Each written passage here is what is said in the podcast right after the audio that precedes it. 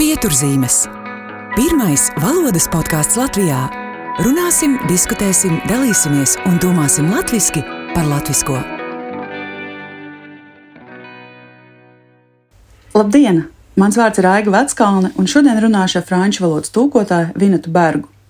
Nesen ir izdots viņas tūkotais Mailasas de Kerengalas romāns Salabot dzīvos, kas ir kā himna radīšanai, pārdomas par ķermeņa un apziņas vienotību, dzīvību un nāvi. Sveika, Vineta! Sveika. Paldies, ka piekriti šai sarunai! Sveika, Aiga! Paldies, ka uzaicināji!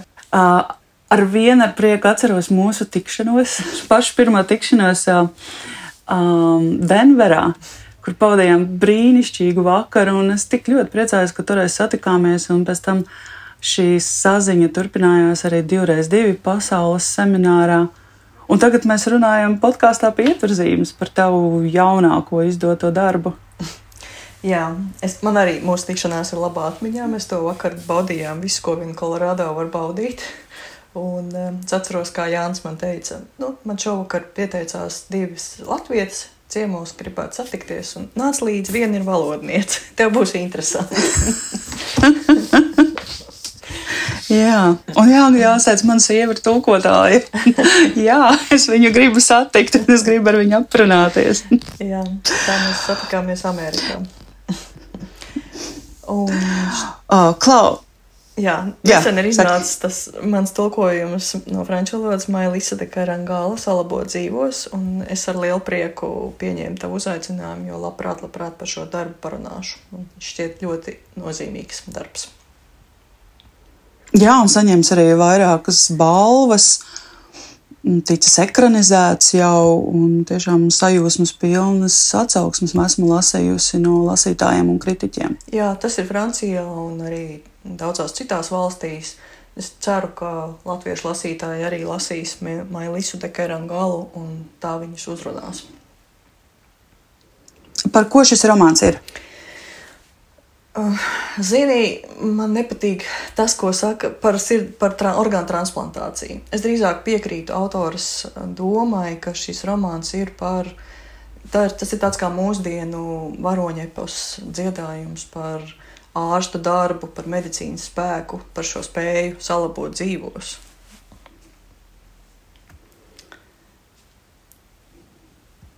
Tā kā turpināt, kā mēs varētu to salabot dzīvos, tā kā spēju dot kādam citam nodzīvot ilgāku un kvalitatīvāku dzīvi.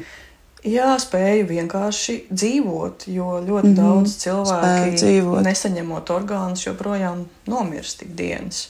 Un nomirst tādēļ, ka ne jau tāpēc, ka šie orgāni trūktu, bet eh, tāpēc, ka tuvinieku atteikuma procents eh, ir ārkārtīgi augsts. Es nezinu, man liekas, ka Latvijā tas ir, ja nemaldos, ap 40%. Vai tas atkarīgs kā kurā valstī.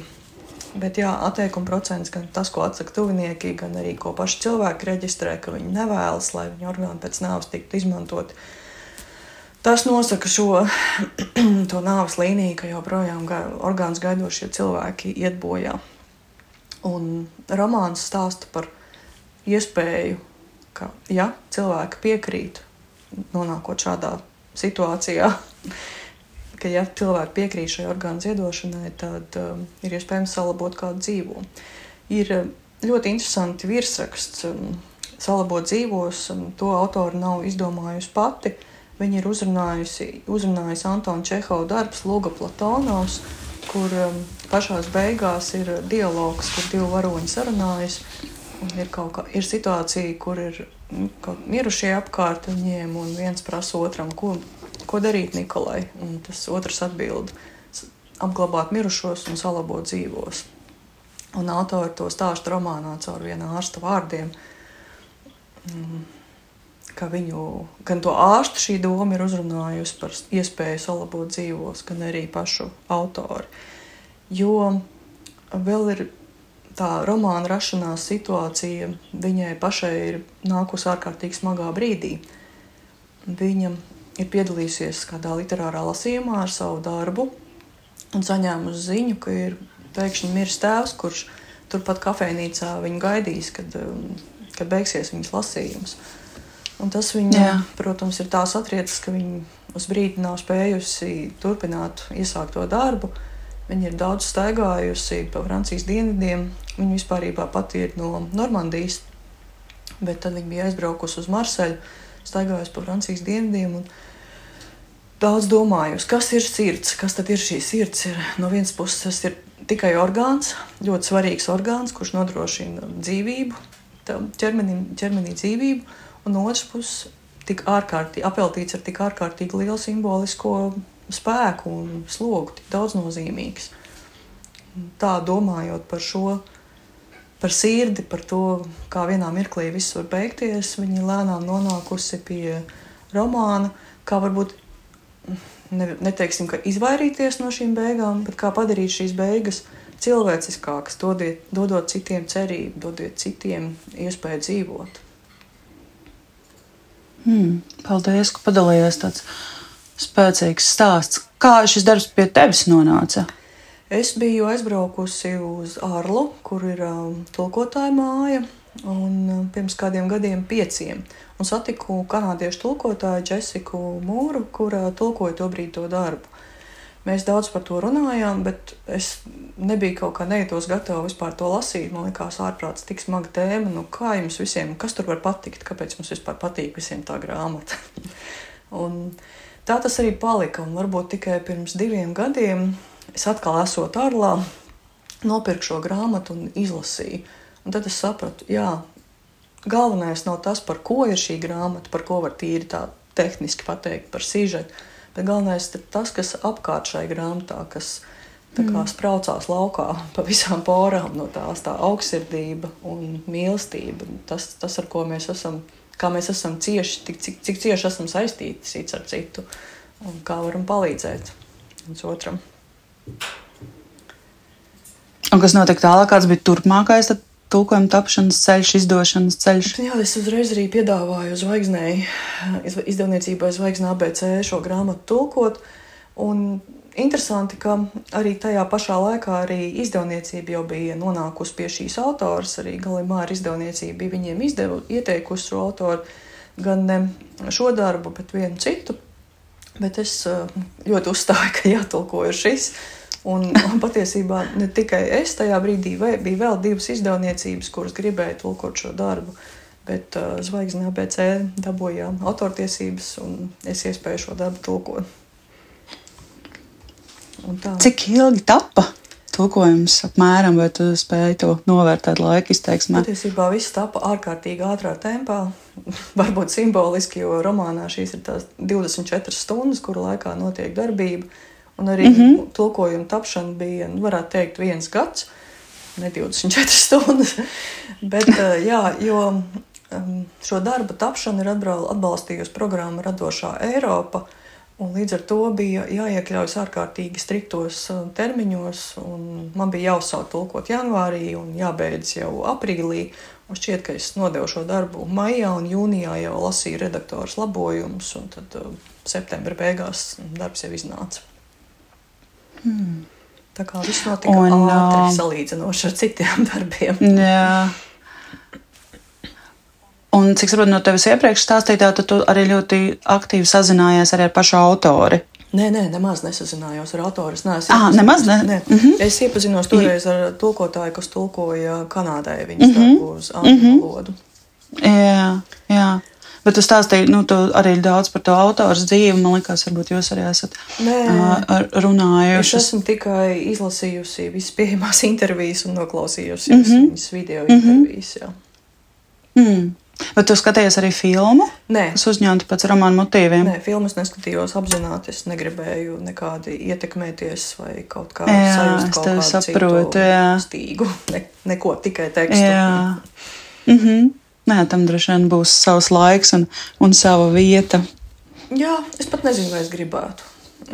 Kaut kā man šķiet, ka manas attiecības ar šo tekstu ir tikai manas un tik ļoti ciešas, ka es negribētu, lai kaut kas cits ielaužas no ārpuses, lai šie tēli, kādi ir izveidojušies manā apziņā, viņus pēkšņi varbūt ieraudzītu citādus.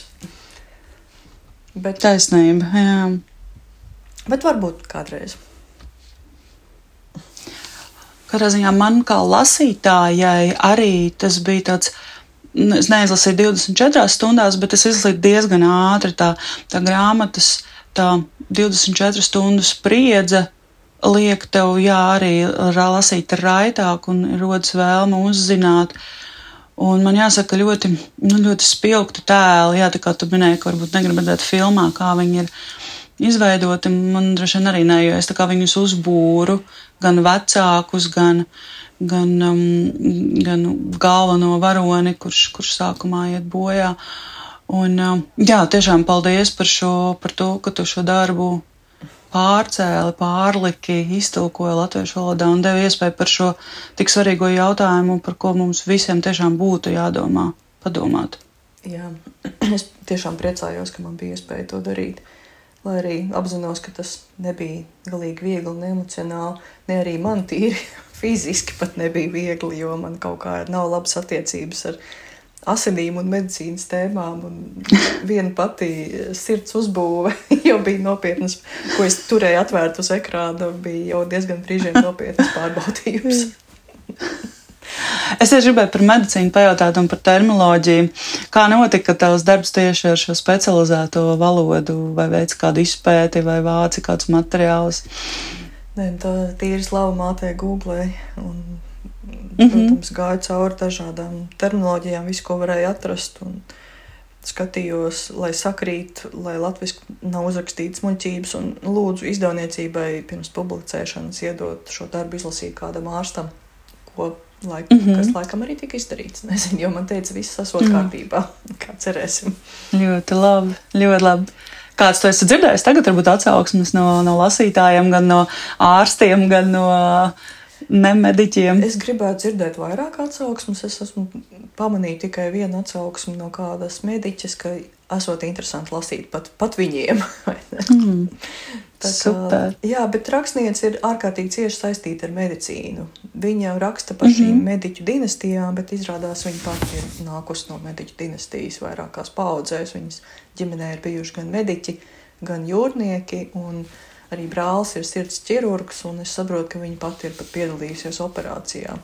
Mm, tā ir viņas tāda īpatnība, ka viņa raksta tikai par to, ko viņa labi zina, un, la, lai to labi zinātu, viņa ārkārtīgi sīki visu izpēta.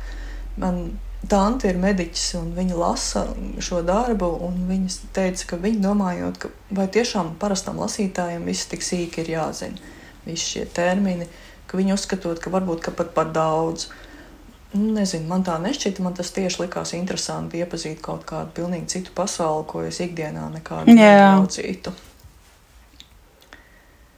Jā, man arī līdzīgi. Man pat likās, nu, ka tās daudzās detaļas ir tāds spēcīgs mākslinieckās izteiksmes līdzeklis, kas, uh, kas tev vēl vairāk kā, liek par to, par to domāt un šajā jautājumā Jā. iegrimt. Jā, gan medicīna, gan arī Jā. teiksim, attiecībā par sērfošanu un ūdeni viļņiem. Jā. To, to man arī bija interesanti lasīt, un es iztaujāju sērfotājus, kā labāk pateikt. Tur par uzkāpšanu uz viļņa, vai tagad jau vairs neatceros, bet jā, ļoti tā, lai tiem, lai zinātājiem tas viss šķistu dabiski un ne, ne, nekas neliktu acīs, ka kaut kas nav pareizi. Es ceru, ka tā arī ir, bet eh, jā, ar sēfošanu arī rakstniece pati ir aizrausies. Es saprotu, ka viņi dzīvo pie viņas bērnības mājas, ir pie sēnes, pie okeāna, un tur, tāpēc viņi šo vidi pazīst ļoti labi. Hmm. Kas vēl bija tas, kas stūkojot, sagādāja tādu lielu gandarījumu tādu atklājēju prieku? Visvairāk pati valoda. Man ārkārtīgi patika valoda. Tas, kā viņi runā par laiku, par telpu, apraksta tos mirkļus, kurā cilvēki saņemot kaut kādu to traģisko vēsti, viņi apraksta to mirkli nevis kā cilvēks jūtās, bet bet kā sajūt to izolētību no pārējās pasaules, kur iet savu gaitu uz priekšu. Un savukārt cilvēkam ir sajūta, ka viss, viss viņa pasaule brūk un jūg, un nekas vairs nav kā agrāk. Un rakstnieks ārkārtīgi, ārkārtīgi poētiski par to spējīgi runāt. Es nezinu, es varbūt pat varu nolasīt uh, divus teikumus. Jā, jā tas būtu, tas būtu noteikti arī vairāk teikumu. Nu, nolasīt fragmentu, tas būtu tik brīnišķīgi. Jā. Jā, viņa mana nogrūmus, zemes plātņu noslīdēšanu, saskata plaisas, kas sašķēļ zem kājām zemi. Kaut kas aizveras, kaut kas uz visiem laikiem kļūst nesasniedzams. No plakana kalns atdalās klīns gabals un sabirst jūrā, no kontinenta lēnām atšķiras pussala un savrupa aizpeld atklātos ūdeņos. Brīnišķīga salas ieeja piepieši aizšķērso klīns buķis. Pagātne vienā mirklī ir uzbriedusi, dzīves rīķis milzis, un tagad ir viens ultrašaurs slieksnis, līnija, aiz kuras vairs nav nekā pazīstama. Telefona zvans pāršķēlis laika ritējumu, un Marijānas Tastīņš šokā pie spoguļa. Jā, it kā viens mirklis, it kā skaidrs, kas notiek, bet tik poētiski par to pateikts, un lasītājs, man liekas, uzreiz spēja saprast to šokējošo realitātes sadalīšanos, saņemot šādu zvanu par tuvinieku aiziešanu. Mm. Jā. Jā, tā kā valoda man ārkārtīgi uzrunāja, man bija interesanti tulkot tieši valodas dēļ un tā romāna kompozīcijas dēļ, kā, kā mēs ietu cauri labirintam un ieskatītos dažādās vietās. Pilnīgi pretējās varbūt gan, tā varbūt gan reanimācija, gan nakts klubs, gan, dziedāš, gan dziedāšana istaba, kurā notiek dziedāšana, kurā kāds puisis vingrina balss, nākamajā mirklī jau viņš koordinē orgānu ziedošanas procesu, procesu pašu. Jā, ļoti dažādi. Par dziedāšanu runājot, Klau, kā tev šķiet, kas ir ar tiem dadzīšiem? Man ļoti uzrunāja dadzīšu tēma. Pastāsti par to vairāk, jo tu droši vien arī to pētīji. Jā, dadzīši arī bija ārkārtīgi interesanti. Tāda Es nezinu, varbūt tā, tas bija pirmkārt saistībā ar dziedāšanu. Kā puisis bija atklājis, puisis, kurš ir ārsts, kurš nodarbojas uh, ar orgānu ziedošanas koordinēšanu, viņš nodarbojas arī ar dziedāšanu, mācās dziedāt. Tas varbūt ir kaut kāds tāds līdzsvars, kaut kāda saikne ar dzīvo pasauli. Nezinu, tā iespēja noturēt, noturēties vispār pie prāta, tādā darbā strādājot katru dienu. Jā, un tad atzīšu, viņš ir nopircis šo atzīti, un viņam mājās dzīvo būrītī atzīts, atsvests no Alžīrijas, rets, izmirstošs putns. Un ārkārtīgi patika tā,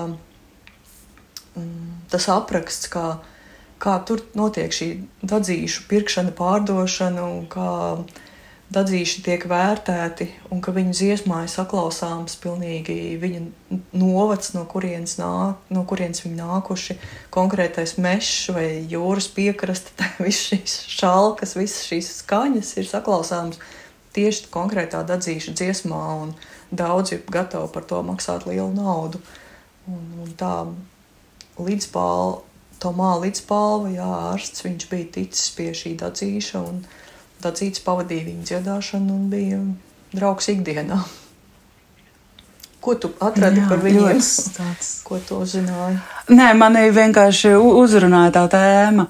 Un tāpēc es domāju, jāpajautā tev par, par dadzīšiem, jo es, godīgi atzīstos, nebiju zinājusi par to retumu, par to tirgus vērtību, par to, cik tas ir tāds kultūras un pasaules, pasaules kultūras daļa, ne tikai attiecīgās valsts daļa. Jā, vēl viena tāds labirinta nostūrītis, kur lasītāju autori ievad, varbūt, lai mm, mazliet mīkstinātu to traģiku, pa kuru būtībā lasītājs iet, vai mm. šo traģisko ceļu, lai viņš piemirstos to, Jā. tas, kas notiek.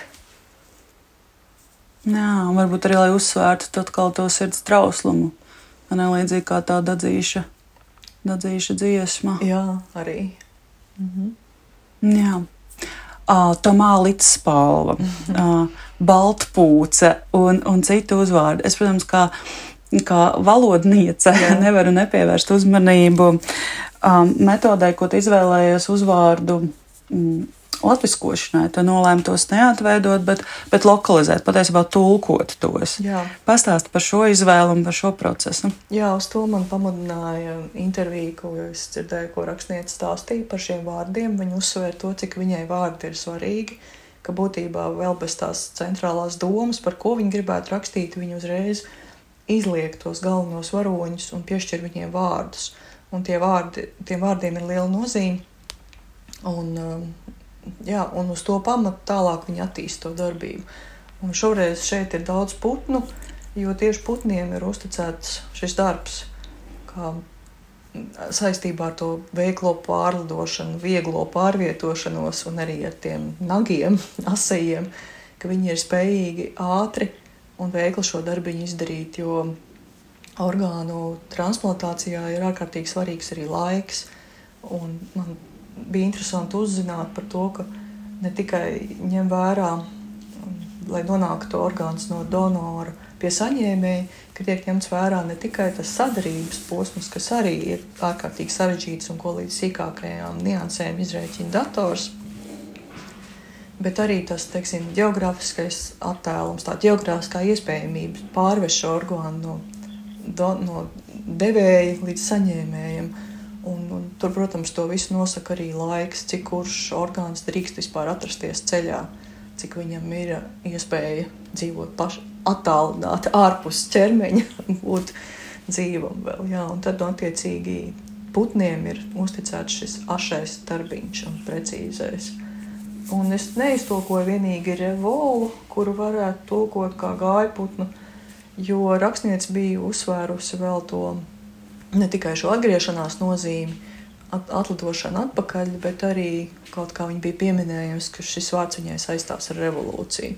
Un tad es domāju, kāpēc revolūcija vēl, un varbūt es to varu izskaidrot vienīgi ar to, tiem notikumiem, kas ir notikuši Revola dzimšanas gadā, un kurus arī viņš, viņam patīk, kuram varonim patīk arī pieminēt.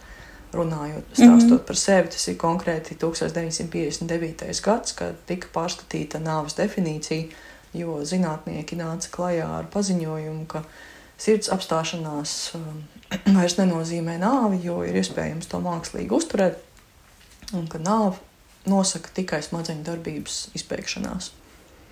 Tas bija tāds apvērsums medicīnā un būtībā arī deva zaļo gaismu orgānu ziedošanai, orgānu transplantācijai. Jā.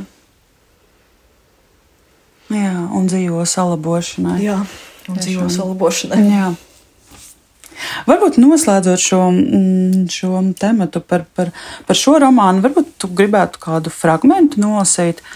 Zinu, ka tu esi izvēlējusies, manuprāt, ļoti trāpīgu un tādu atbilstošu. Jā, man gribējās ar šo izvēloties fragmentu, man gribējās um, mazliet aizskart arī to otru pusi, ne tikai, mm, ne tikai saistībā ar cilvēku, kurš ir gājis bojā un visiem iesaistītājiem, Bet rakstniece raksta arī par gaidītājiem, un konkrēti par sievieti, kas gaida sirdi.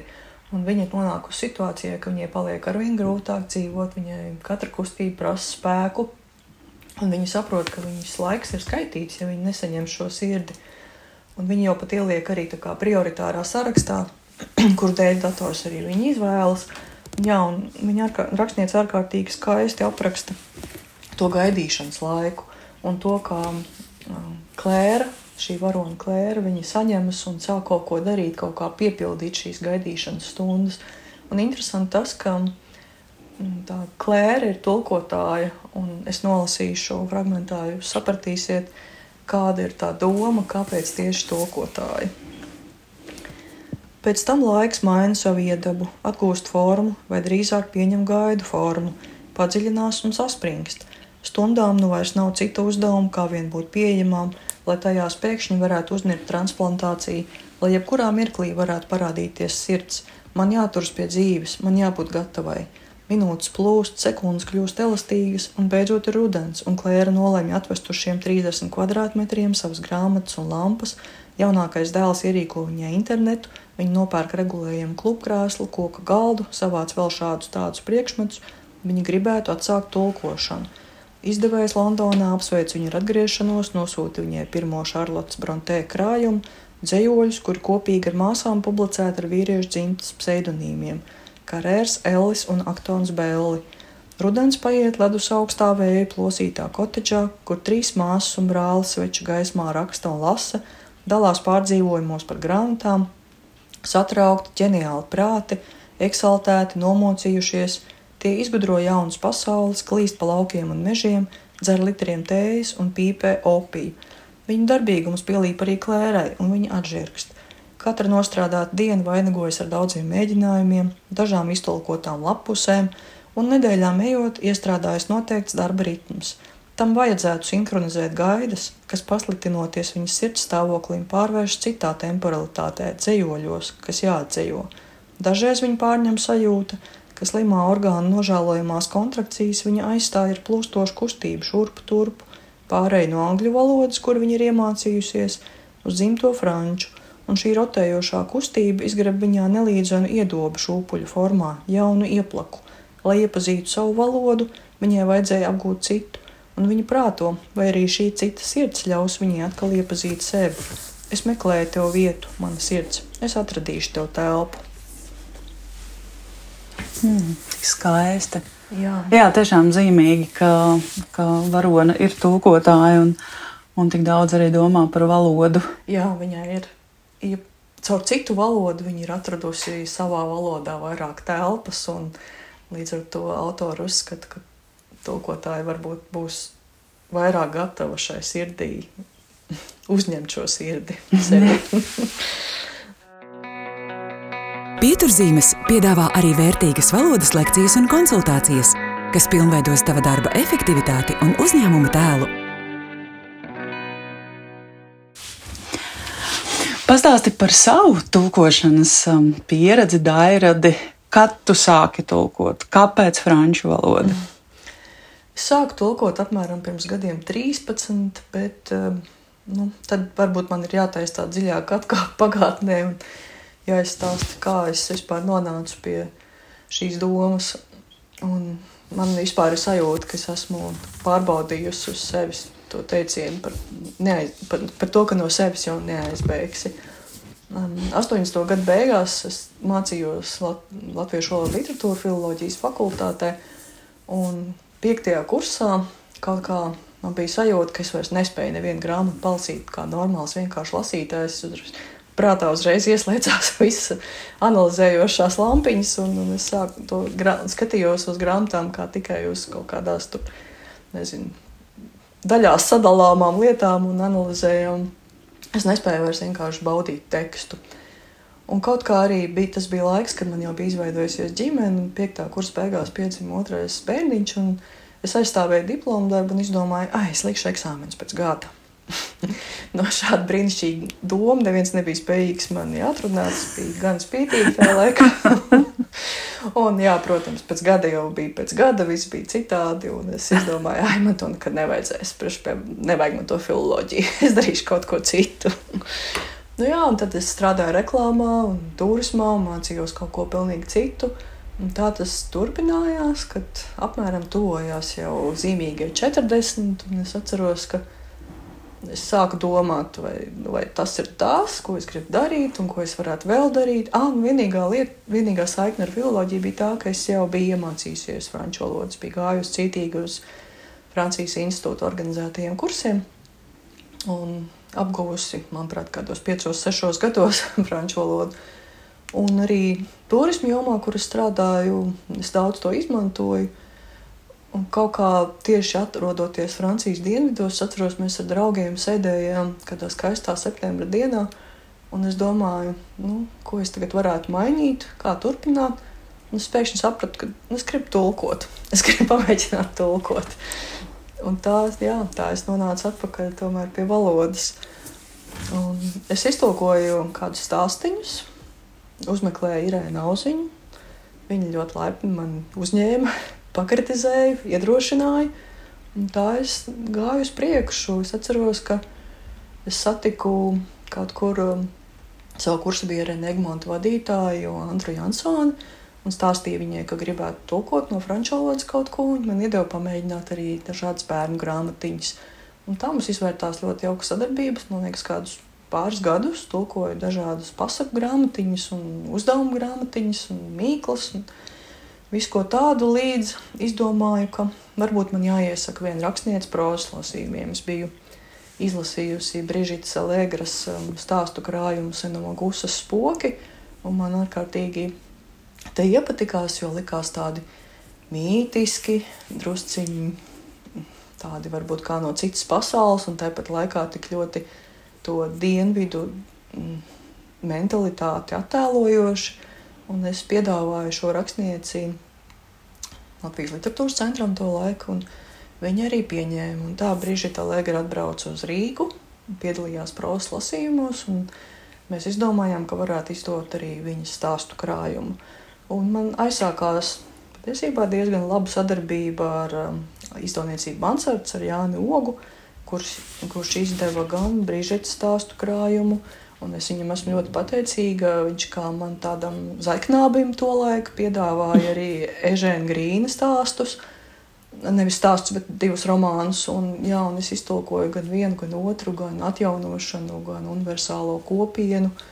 Un pēc tam arī iznāca izdevniecībā Mansards iznāca arī Nobela prēmijas laureāta Žana Marīga Stavle Klēzio stāsti pasakas par kājām un citas fantāzijas, par pēd, stāst par pēdām un citas fantāzijas.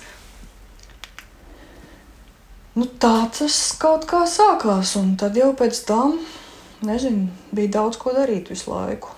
Visu laiku, visu šos gadu laikā ir bijis ko, daudz ko tulkot. Un būtībā pēdējos divus gadus pat ir bijis tā, ka termiņš, cen termiņu, es tikai pabeidzu vienu, metos pie nākamā. Un, Šovasar es beidzot sajūtu tādu tā kā atelpu un iespēju vispār palasīt franču grāmatas, saprast, kas notiek atkal apkārt, ka tirgu, kur, kuras es gribētu tulkot un kuras ieteikt tulkošanai. Un es saprotu, ka drīzumā arī iznāks kāds jauns tevis iztulkots darbs. Jā, drīzumā vajadzētu iznākt um, Kristofa Onoti bio trešajam romānam, apgādā zvaigznē ABC. Pēdējo divu vai trīs gadu laikā iznāca gan viņa romāns Ieniet, gan Ticēt brīnumainajiem. Un nu, pat ir kārta arī romānam, kuru viņš sarakstījis ir pirms šiem diviem. Pirms vēl nebūdams tik slavens rakstnieks eh, par Jānu, par Birmu. Romāna nosaukums ir Birmiete. Jā, tā kā Kristofona Dibio cienītāji varēs lasīt uh, atkal par Cēzaru, kurš uh, ir vēl tikai savos žurnālista posmus laiku meklējumos, kurš vēl tikai atklāja sevi žurnālistu. Un, protams, atkal tur ir visādi piedzīvojumi apkārt un neparasta vide, eksotiska vide. Un, jā, tas ceļš kā, kā kā top žurnālists. Hmm. Arī tava vide ir diezgan mainīga tu dzīvo paralēli. Nevar teikt, dzīvo paralēli, bet tu pavadīji vairākus gadus Amerikā. Ik pa laikam brauc uz Franciju, uz dažādām rezidencēm vai, vai pasākumiem. Tulko un dzīvo arī Latvijā. Kā vide ietekmē tavu tulkošanas darbu, vai visur tev tulkojas vienlīdz, vienlīdz labi, vai varbūt ir kaut kādas īpašas vie, spēka vietas, kur tev darbs sokas raitāk? par to paralēlo dzīvošanu, tu patiesībā neesi tālu no patiesības. Jo tad, kad es esmu šo deviņu gadu laikā pavadījusi kaut kādus sešus mēnešus ārlā, tulkotāju mājā, man ir tāda sajūta, ka tā, tā vieta dzīvo manī. Visa gaisma, visas ieliņas, es to varu jebkurā brīdī tik ārkārtīgi spilgt sajust, un man ir sajūta, ka es jebkurā brīdī varu atrasties tur. Tas nekas, ka tikai domās, tas vienalga kaut kā uzmodrina. Jo tulkotāja māja Arlā ir ārkārtīgi iedvesmojoša vieta. Tur satiec tur citus tulkotājus no citām valstīm. Tur ir gan vienmēr tā cenšas veidotāji, mājas organizētāji vienmēr cenšas salikt tā, lai būtu gan tulkotāji, kas tulko uz franču valodu, tad francūži no citām valodām, gan arī tulkotāji, kas tulko no franču uz citām valodām. Un, attiecīgi ir iespēja iepazīties gan ar citu valstu tulkotājiem, gan arī ar francūžiem, kuri tulko citus darbus, citu valstu darbus. Cit, un, kaut kā nezinu, burzoties šajā vidē un runājot, protams, visu laiku tikai franciski, tā ir tāda ārkārtīgi iedvesmojoša vide, kurā es labprāt atgrieztos vēl un vēl. Un man ir žēl, ka um, Jā, nu es tur neko nevaru darīt. man ir žēl, ka es tulkoju uz tik mazu valodu, kurā runā vairāk par miljonu tikai, jo viņi organizē lielajām valodām tādas darbnīcas, tulkotāju darbnīcas. Attiecīgi, nezinu, angļu, vācu, krievu, japāņu, arābu, dažādas, itāļu, spāņu, jā, sabrauc tulkotāji, gan jaunie, gan tādi tulkotāji ar pieredzi, un viņiem notiek vairāk, nezinu, nedēļas vai pat vairāk garumā notiek tulkošanas darbnīcas, kurā tīri praktiski tiek iet cauri dažādiem darbiem, un katrs tulkotājs kaut ko noteikti iemācās, un tā daudz arī iegūst pārliecību un aiziet uz priekšu, kļūst, kļūst par labiem tulkotājiem.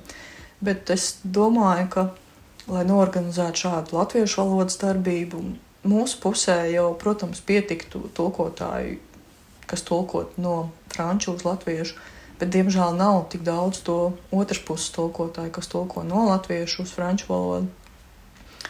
Un tāpēc nesanāk šī sadarbība tāda, kā iecerēts. Un, domāju, ka tāpēc mazajām valodām, diemžēl, šīs darbnīcas nenotiek. Jā, bet um, tas, ir, tas ir par ārlu. Viņi dzīvo paralēli manī.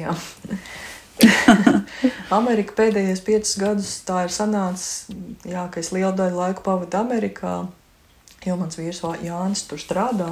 Tad mēs, protams, cenšamies arī braukt uz Latviju gan vasarā, vismaz pāris mēnešus, gan arī ap Ziemassvētkiem. Uh, Un, nu, tur ir patiesībā ārkārtīgi laba vide darbam, jo man nav tur daudz paziņu. Man ir iespēja sēdēt mājā daudz vairāk nekā Latvijā, kur ir tik ārkārtīgi daudz dažādu kultūras kairinājumu, kur ir draugi, kurus gribas satikt nemitīgi. Un, attiecīgi, Amerikā es dzīvoju tādā lieliskā darba režīmā. Es tulkoju, es daudz sportoju, un kaut kā tas viss ir tādā, jā, varbūt tādā tā vajadzētu dzīvot arī Latvijā, bet tā Latvijā diemžēl nesanāk. Jā, kāds vispār ir tavs tulkošanas process? Nu, pieņemsim, tev ir, tev ir diena vai noteikti stundu skaits tulkošanai. Kā izskatās tava darba vide? Kas tev ir atvērts, kādus rīkus tu izmanto? Jā, ja man ir uh, konkrētais līgums, pie, darbs, pie kuras strādāju, tad es arī cenšos vairākas stundas dienā to, to darīt. Uh, un man ir liels galds, vienalga vai nu tās ir Amerikā vai Latvijā. Man patīk lieli galdi, uz kuriem var visu kaut ko salikt apkārt. Un kaut arī atvērts pārsvarā ir datorā visādas vārnīcas, bet vienalga man stāv blakus franču latviešu vārnīca un īpašības pareizrakstības vārnīca, latīņu teicieni, viss kaut kas, kas iedvesmo, protams, mans tulkošanas dēlītes, pie kura piestiprināts tulkojamais darbs. Bet jā, datorā ir tēzaurs, ir letonika, ir uh, franču, franču skaidrojušās vārnīcas, sinonīmu vārnīca. Nu, jā, nezinu, pats teksts, un man ir noteikti klusums svarīgs. Es nespēju, kā mm -hmm. citi kolēģi, kas klausās mūziku, man, man traucē, man vajag pilnīgi klusumu, un tad es varu būt viena ar tekstu. Un kaut kā dīvaini, jā, tu jautāji, kāpēc franču valoda? Es jau biju studiju laikā pamācījusies gan vācu valodu, gan spāņu valodu, bet nu, tādā iepazīšanās līmenī nekādas attiecības tālāk neizveidojās ar šīm valodām. Bet man ārkārtīgi patīk latīņu valoda. Un mums bija, bija tas prieks un laime mācīties pie profesora Ināras ķemeres. Viņa varētu teikt, man sajūta, ka ielika manī šīs tulkošanas pamatus. To spēju kaut kā paraudzīties uz teikumu, nu, tā kā saņemt vērst pie ragiem, atrast darbības vārdu un lietu vārdu, un tad jau pārējos saistītos vārdus un, un hops un teikumus ir rokā. Un kaut kā saistībā ar latīņu valodu, var, tāpēc, ka franču valoda ir tik ļoti līdzīga un bāzēta uz latīņu valodas, un tas, es attiecīgi arī to tā labi sajūtu. Nezinu, es esmu mēģinājis tulkot no angļu valodas. Nu, tās, tās ir diezgan liels mokas. Neskan, kaut kas klāba. Nu, nav labi. Bet ar, Lati, ar franču valodu ir šī saskaņa, tāda sajūta, ka es izlasu, ka es izlasu teikumu, un viņš ir vai nu galvā, vai pirkstu galos, un, un uzrakstās. Jā. Protams, ne jau vienmēr tik mm. vienkārši, bet eh, lielākoties jā. jā. Kā tu pati uzturi, uzturi un pilnveido franču valodas zināšanas ikdienā? Jā, tas es, es gribētu to darīt vairāk. Protams, ka aizbraukšana uz ārli ir viena milzīga franču valodas pote ilgam laikam, bet uh, ikdienā es būtu būt labi runāt vairāk franciski. Es izjūtu šo valodu ka vairāk tā ir tomēr pasīva valoda manī, ka es viņu lietoju ar acīm, nevis ar mutiem. es viņu lasu un jā, tulkoju, bet uh, gribētos vairāk runāt. Protams, tas būtu tā veiklāk. Kaut gan jocīgi, pirmos pāris gadus Amerikā, kaut arī es saprotu, ka es iespējams runāju angliski labāk, man bija grūti runāt angliski. Man bija tāda sajūta, ka man bremzē franču valoda. Es iesāku teikumu angliski, un man pēkšņi ir bloks, man pēkšņi uz mēlā sēž tikai un vienīgi franču vārds, un es vairs nevaru netieku tālāk. Un tad pat tas pat ar tādiem vienkāršiem vārdiem notika. Bet nu, kaut kā pamazām tas pārgāja, jā, un atdalījās manī šīs divas valodas. Franču valoda ļāva mazliet angļu valodai ņemt virsroku. Nu, tā palika jā. tajā tulkošanas jomā, bet uh, sadzīves sarunu valodas jomā tomēr angļu valoda droši vien ir labāka.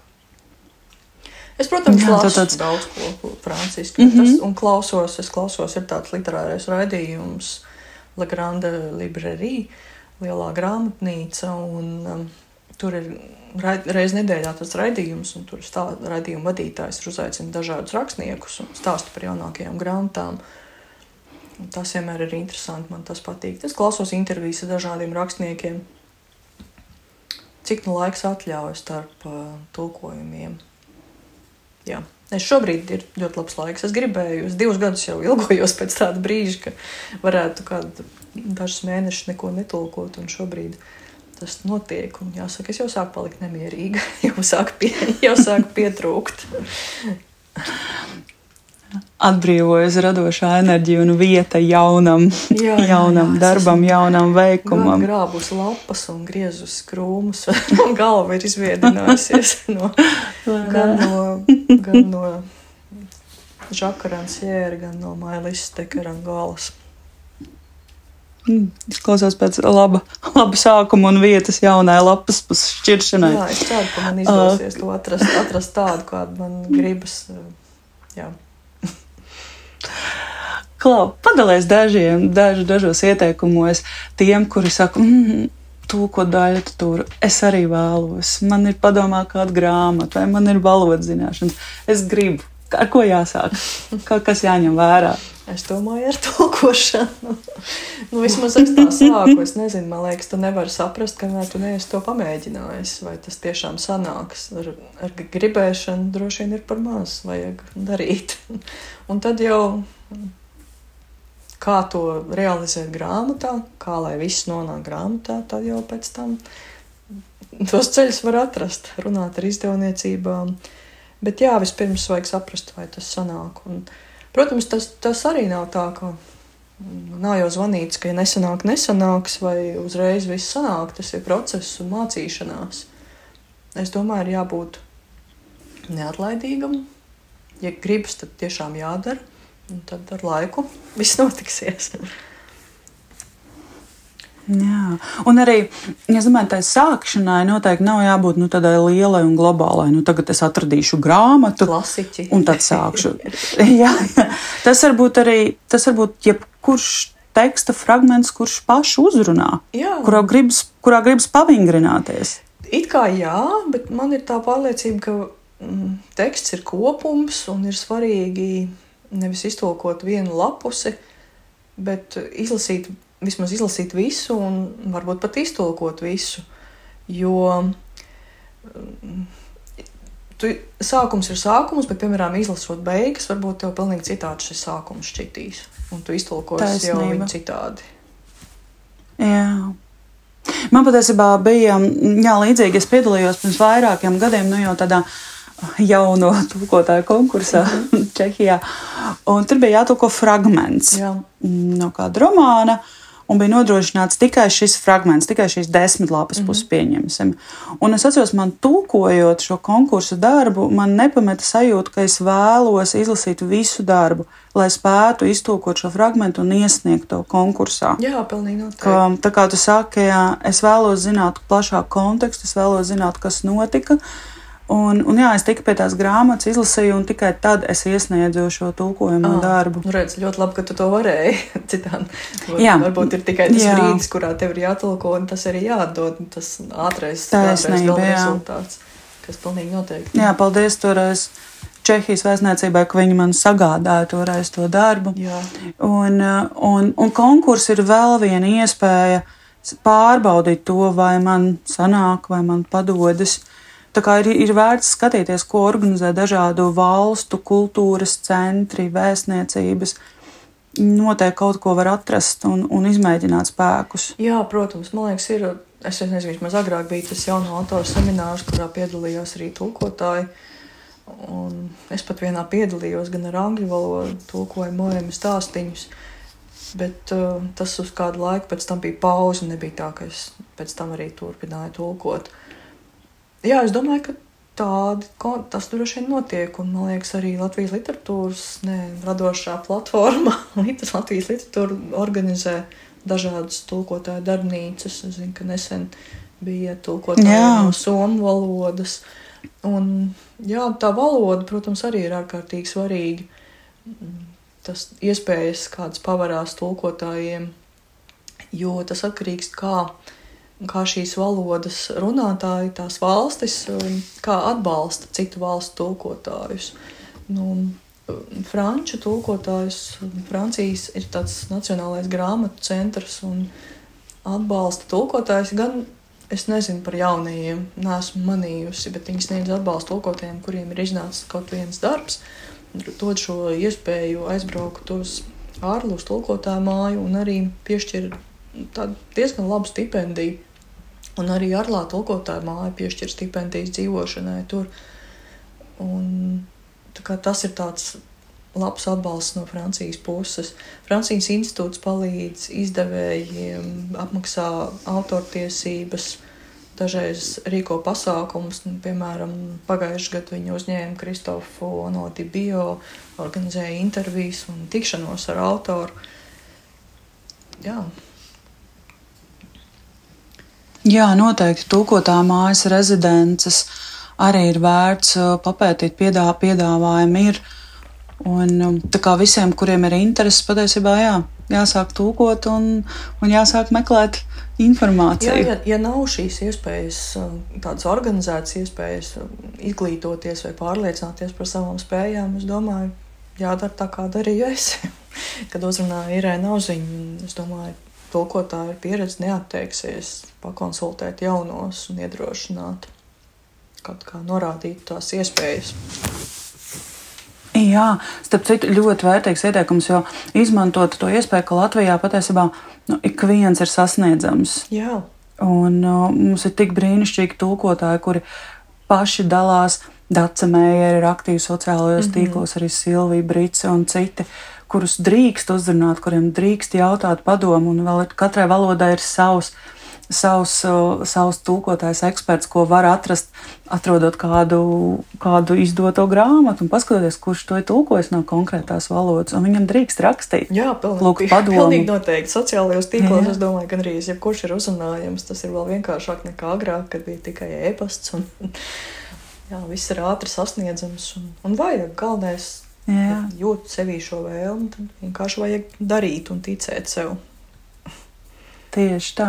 Un pat ja nav nepieciešams padoms, bet gribas pateikt atsauksmi par šo darbu. Tā kā tu teici, ka tev arī gribētos uzzināt vairāk, ko lasītāji domā. Jā. Rakstiet autoriem, rakstiet tulkotājiem. Mēs to tiešām novērtējam un priecājamies par šīm ziņām. Jā, es arī apzinos par šo darbu, ka tā kā teiksim, arī man pašai pagāja laiks, kamēr es to izlasīju, es pieļauju arī lasītāji izlasot aizmugurē, kas ir rakstīts, kāds ir sižets, par ko ir grāmata.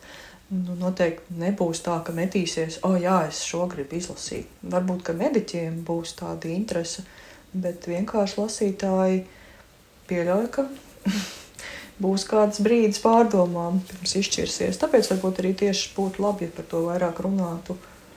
Tas iedrošinātu cilvēkus lasīt. Jā, grāmatu, kas nav Taisnība. tikai par sirds transplantāciju, kas ir par sirdi. Jā. Viņat, paldies tev liels, ka tu piekriti sarunai, ka tu dalījies stāstā, pārdomās, valodā. Tiešām mīļš, mīļš, paldies. Paldies, Aigi, ka uzaicināji. Es tiešām priecājos. Ko šodien liekam punktu? Un raidījuma piezīmēs atradīs īsu pārskatu par šodienas sarunu, kā arī noderīgu informāciju un saites. Paldies, ka klausījies un uz tikšanos nākamajās pieturzīmēs. Papildu informāciju par pieturzīmēm, valodu lekciju piedāvājumu un nākamajiem raidījumiem meklē mūsu Facebook lapā Pieturzīmes. Priecāsimies, ja tu dalīsies ar šo raidījumu, novērtēs to Apple podkāstu platformā un atbalstīs mūs kļūstot par patronu Patreon vai Baimie kofiju platformā. Mīļš paldies mūsu regulārajiem patroniem Aijai, Antrai, Ievai, Lingdai, Naģeždai.